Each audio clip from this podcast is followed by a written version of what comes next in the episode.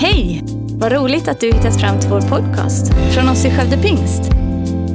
Vår bön är att den ska hjälpa dig förstå mer om vem Gud är, bygga din relation med honom och ge praktiska verktyg för ditt liv. Gött! Eh, häng med mig till Lukas kapitel 1.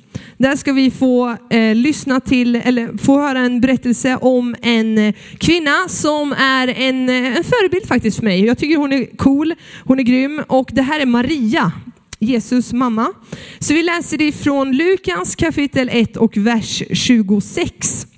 Ska vi läsa några verser framåt där, så häng med därifrån. I den sjätte månaden blev ängeln Gabriel sänd av Gud till en jungfru i staden Nasaret i Galileen.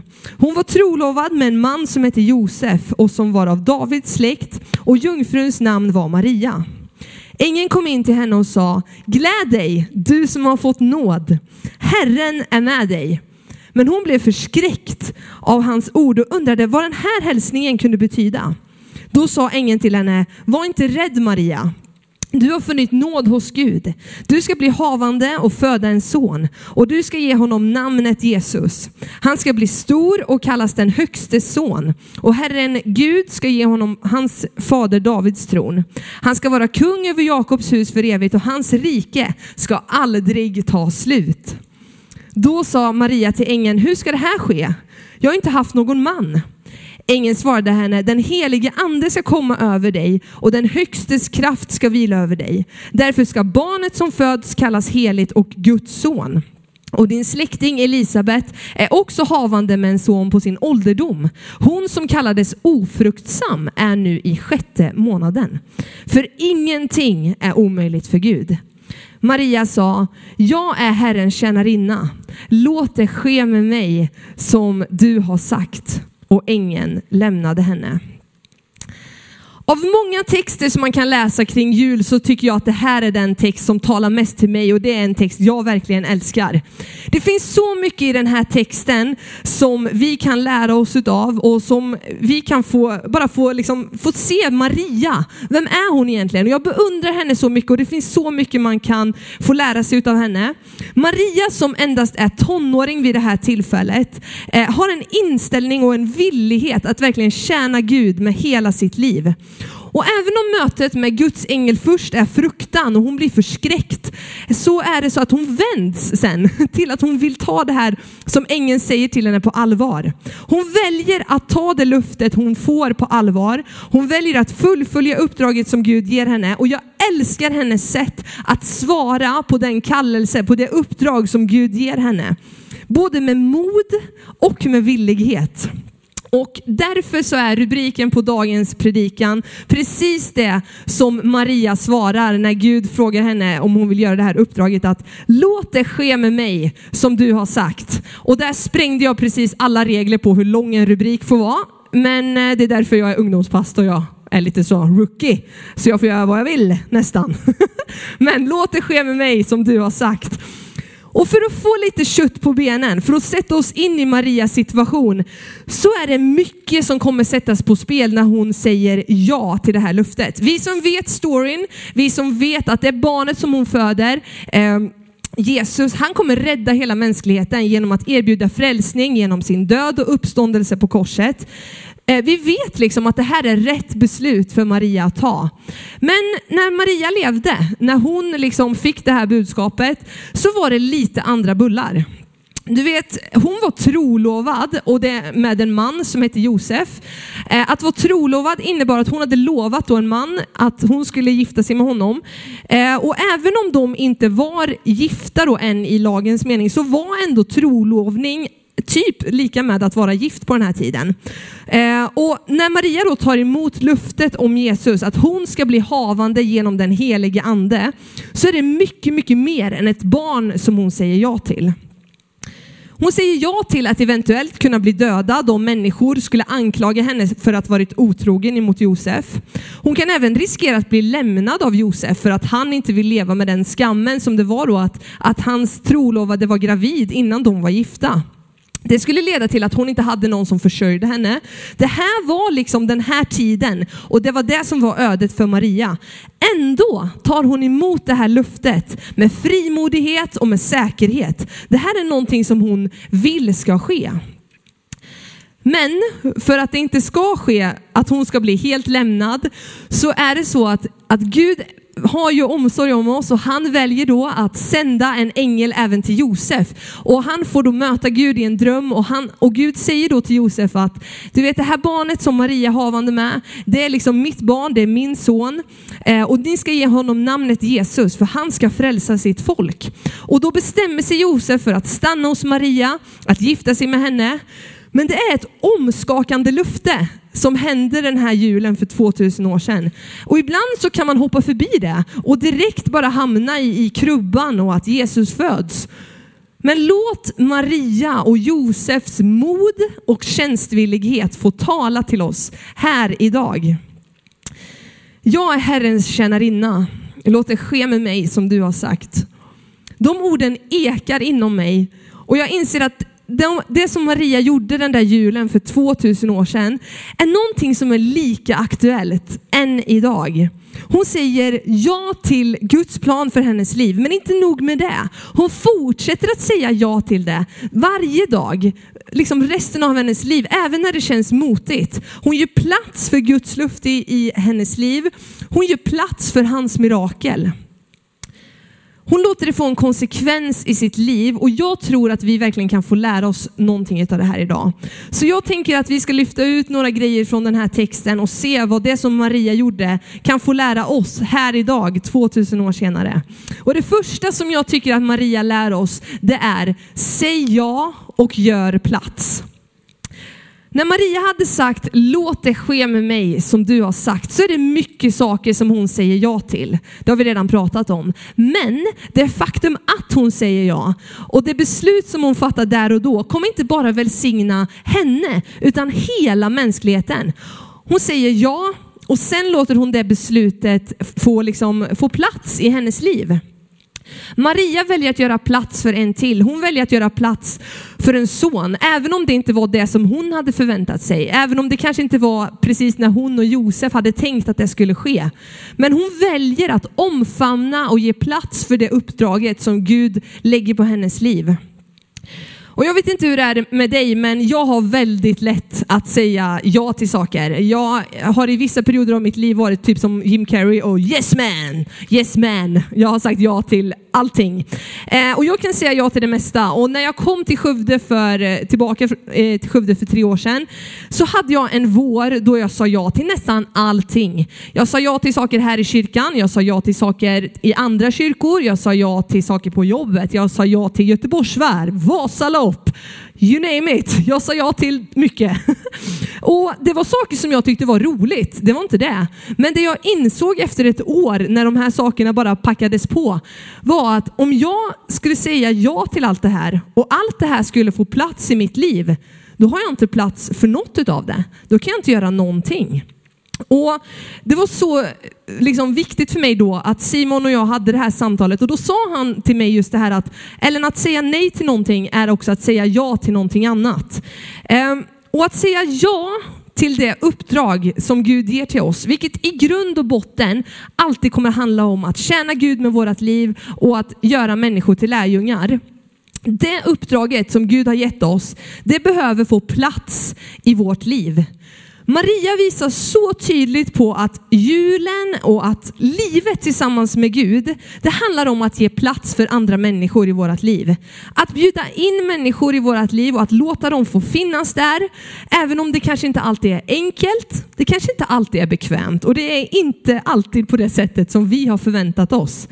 Men att ge plats för en till, att skapa plats för människor i våra liv för att de ska få höra om Jesus. Det är det absolut viktigaste vi kan göra. Och det kan aldrig något så, så fjuttigt som en pandemi få stoppa oss att göra. Vi måste fortsätta, att få, och fortsätta med det här uppdraget som Gud har gett oss. Och det som du säger ja till i ditt liv, det är bara så här, är det, är det som du gör plats för i ditt liv? Är det saker som gör att människor får tag om Jesus? Är det saker som klingar med ditt beslut om att ha sagt ja till Jesus? Vågar vi säga, låt det ske med mig som du har sagt? Vågar vi säga det till Gud när han kallar oss att berätta om honom för andra människor? Du vet, vi kan säga att vi har mycket att göra. Vi kan säga att kalendern är full och jag tror att det är okej. Okay. Men vet du vad? Om vi inte har tid för det mest centrala, att berätta för andra människor om Jesus, då tror jag att vi måste omprioritera. Och jag säger det för att jag själv har varit där, i ett liv där det viktigaste inte hade plats. Och jag hann inte med det som var det viktigaste.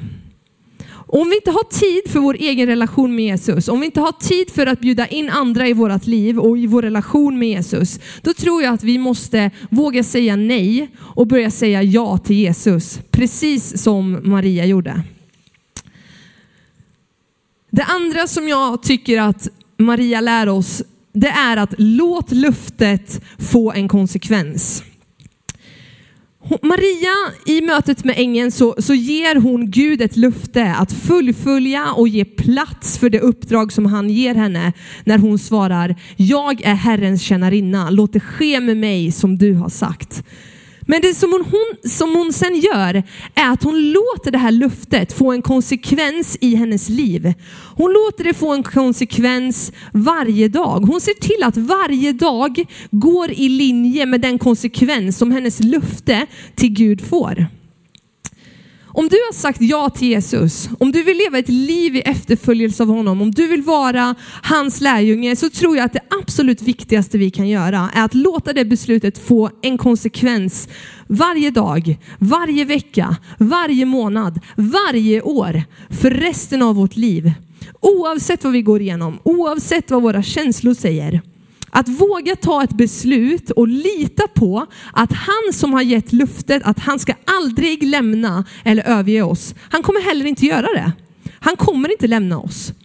Och då kan man tänka sig, vad är det som vi behöver se över i våra liv? Vad behöver vi tänka annorlunda kring? Så att det verkligen syns, märks och hörs att luftet vi har gett Gud att vilja leva med och för honom verkligen får en konsekvens och att det syns i våra liv.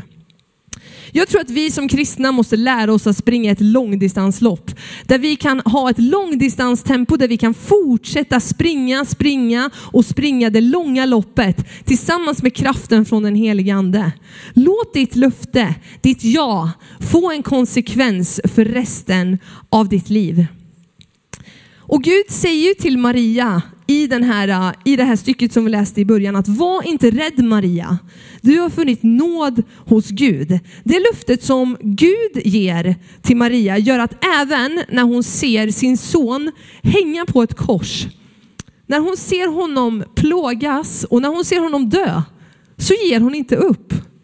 Hon vet att Gud som gav henne löftet om en son, han har kontroll. Hon behöver inte vara rädd. Hon behöver faktiskt inte få ångest. Hon behöver inte ge upp eller fundera på vad som ska, som ska hända härnäst. Hon kan lita på att Gud är större, att han som har gett luftet är större än själva luftet. Och du vet uppgiften den kan se olika ut men uppdraget är detsamma. Vi är kallade till att leva i gemenskap med Gud och att göra människor till lärjungar. Det blir aldrig gammalt. Det blir aldrig gammalt. Oavsett vilka vi är, oavsett vad vi gör, så tror jag att vi alltid kan ta Jesus till andra människor. Och det här visar Maria så tydligt för oss julen för 2000 år sedan. Att Gud använder villiga hjärtan. Låt det ske med mig som du har sagt. Kanske blir du provocerad av det jag säger idag. Det är bra i så fall. Kanske känner du att du är trött på att pastorer och ledare i kyrkan hela tiden säger att man ska veta vad man ska göra, att man ska hitta sin plats, att man ska vara med och tjäna. Du kanske inte känner att du inte vet, du vet inte vad du ska göra. Vad är det jag ska säga ja till? Jag fattar inte. Du kanske känner att du är på fel plats i ditt liv nu. Du har inte tid. Du, du pallar inte. Eller så kanske det känns som att Gud är långt borta. Det kanske känns som att du är bortglömd och, och oälskad. Men vet du vad? Då vill jag komma med ett nytt perspektiv till dig. Och låt mig bara få göra en liten, liten eh, avstickare här tillsammans. Det är ofta eh, de här avstickarna som vi gör som kan få avgöra om resan blir minnesvärd eller inte. Men jag har läst i Apostlagärningarna under de senaste veckorna och, och det har skapat otroligt mycket tro i mig. Det finns så mycket bara fire i Apostlagärningarna. Det är liksom det heliga ande, de kör, de är inte rädda för någonting. De bara går liksom dit ingen annan vågar gå. Eh, och Paulus, han låter sig aldrig stoppas. Du vet, oavsett vad han går igenom så fortsätter han att gå. Och han fortsätter att berätta om Jesus och ibland så blir han stenad och ibland så blir han liksom dödshotad och det är mycket grejer som händer. Men när vi möter Paulus och Silas i Apostlagärningarna i kapitel 16 så har de eh, blivit liksom satta i fängelse. Och då tänker man så här, nu kanske det är time att ge upp. Nu kanske de borde kasta in handduken de här killarna. För nu är det inte mycket som talar för att det här ska gå bra. Men Paulus och Silas, de gör någonting helt annat. Och vi ska läsa ifrån Apostlagärningarna kapitel 16 tillsammans och vers 23. Vi kan bläddra fram dit, ta lite vatten.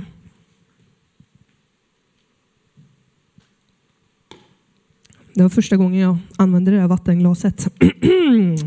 Okej, Apostlagärningarna 16 och vers 23. De fick många rapp och kastades i fängelset och fångvaktaren fick befallning att bevaka dem noga. När han nu fick en sådan befallning så satte han dem i den innersta cellen och låste fast deras fötter i stocken. Vid midnatt var Paulus och Silas i bön och lovsång till Gud medan fångarna lyssnade på dem. Plötsligt kom ett kraftigt jordskalv så att fängelset skakades i sina grundvalar och i samma ögonblick öppnades alla dörrarna och allas bojor lossnade och föll av. Till dig som inte känner att du kan stämma in i, låt det ske med mig som du har sagt. Till dig som känner dig modlös, till dig som känner dig oinspirerad, så vill jag säga en sanning till dig. Som vi kan få, bara få tag i när vi läser det här bibelordet.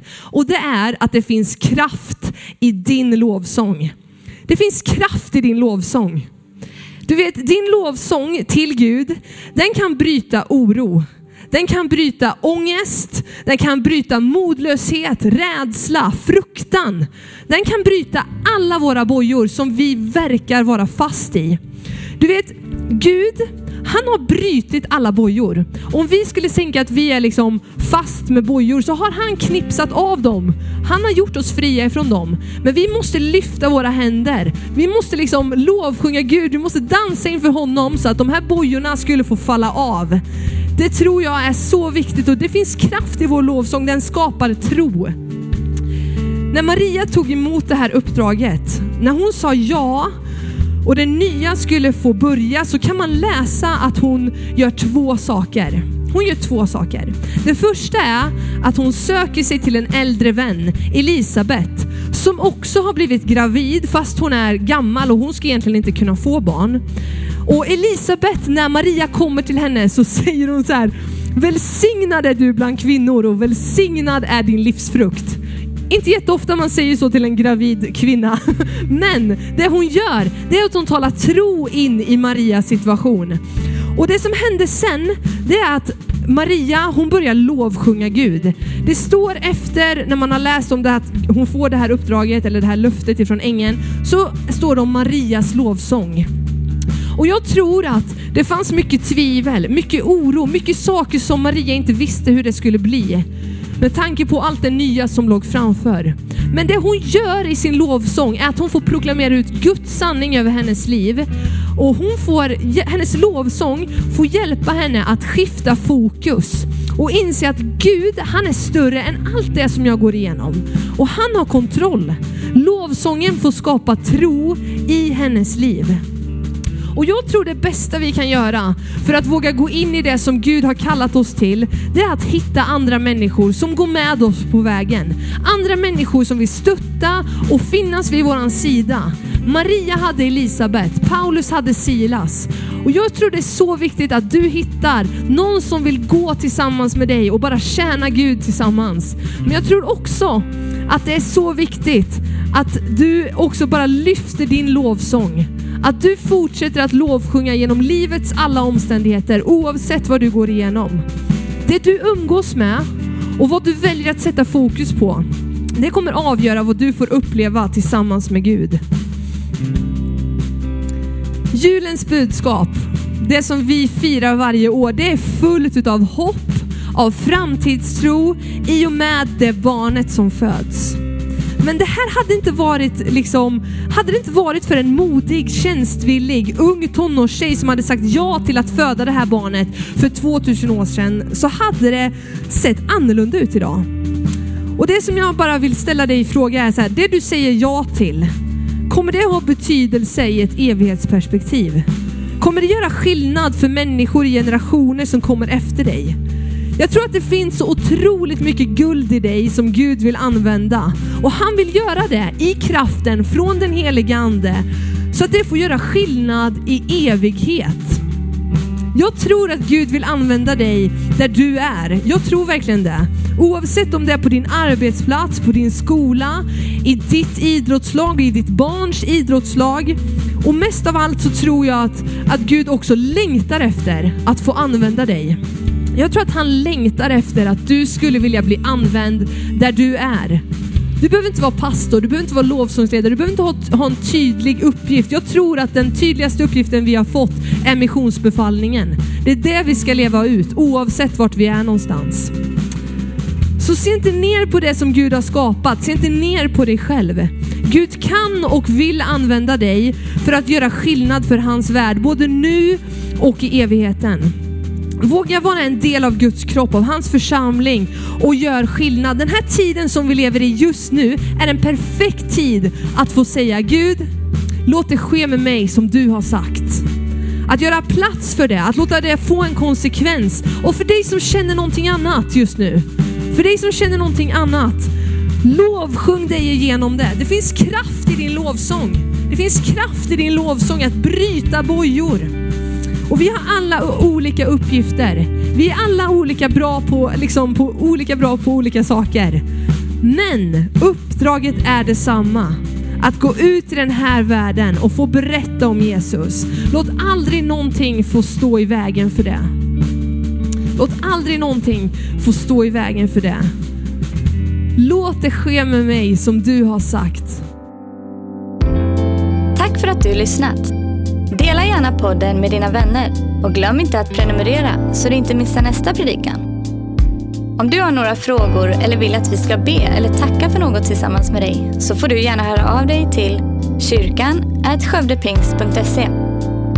För oss är veckans höjdpunkt söndagens gudstjänst och det vore så kul att träffa dig där. Våra team finns då redo att ta emot dig och det finns även egna samlingar för barnen. Du hittar mer information om oss, vilka vi är och våra olika mötesplatser på skövdepingst.se. Gud välsigne dig och ha en fortsatt bra vecka.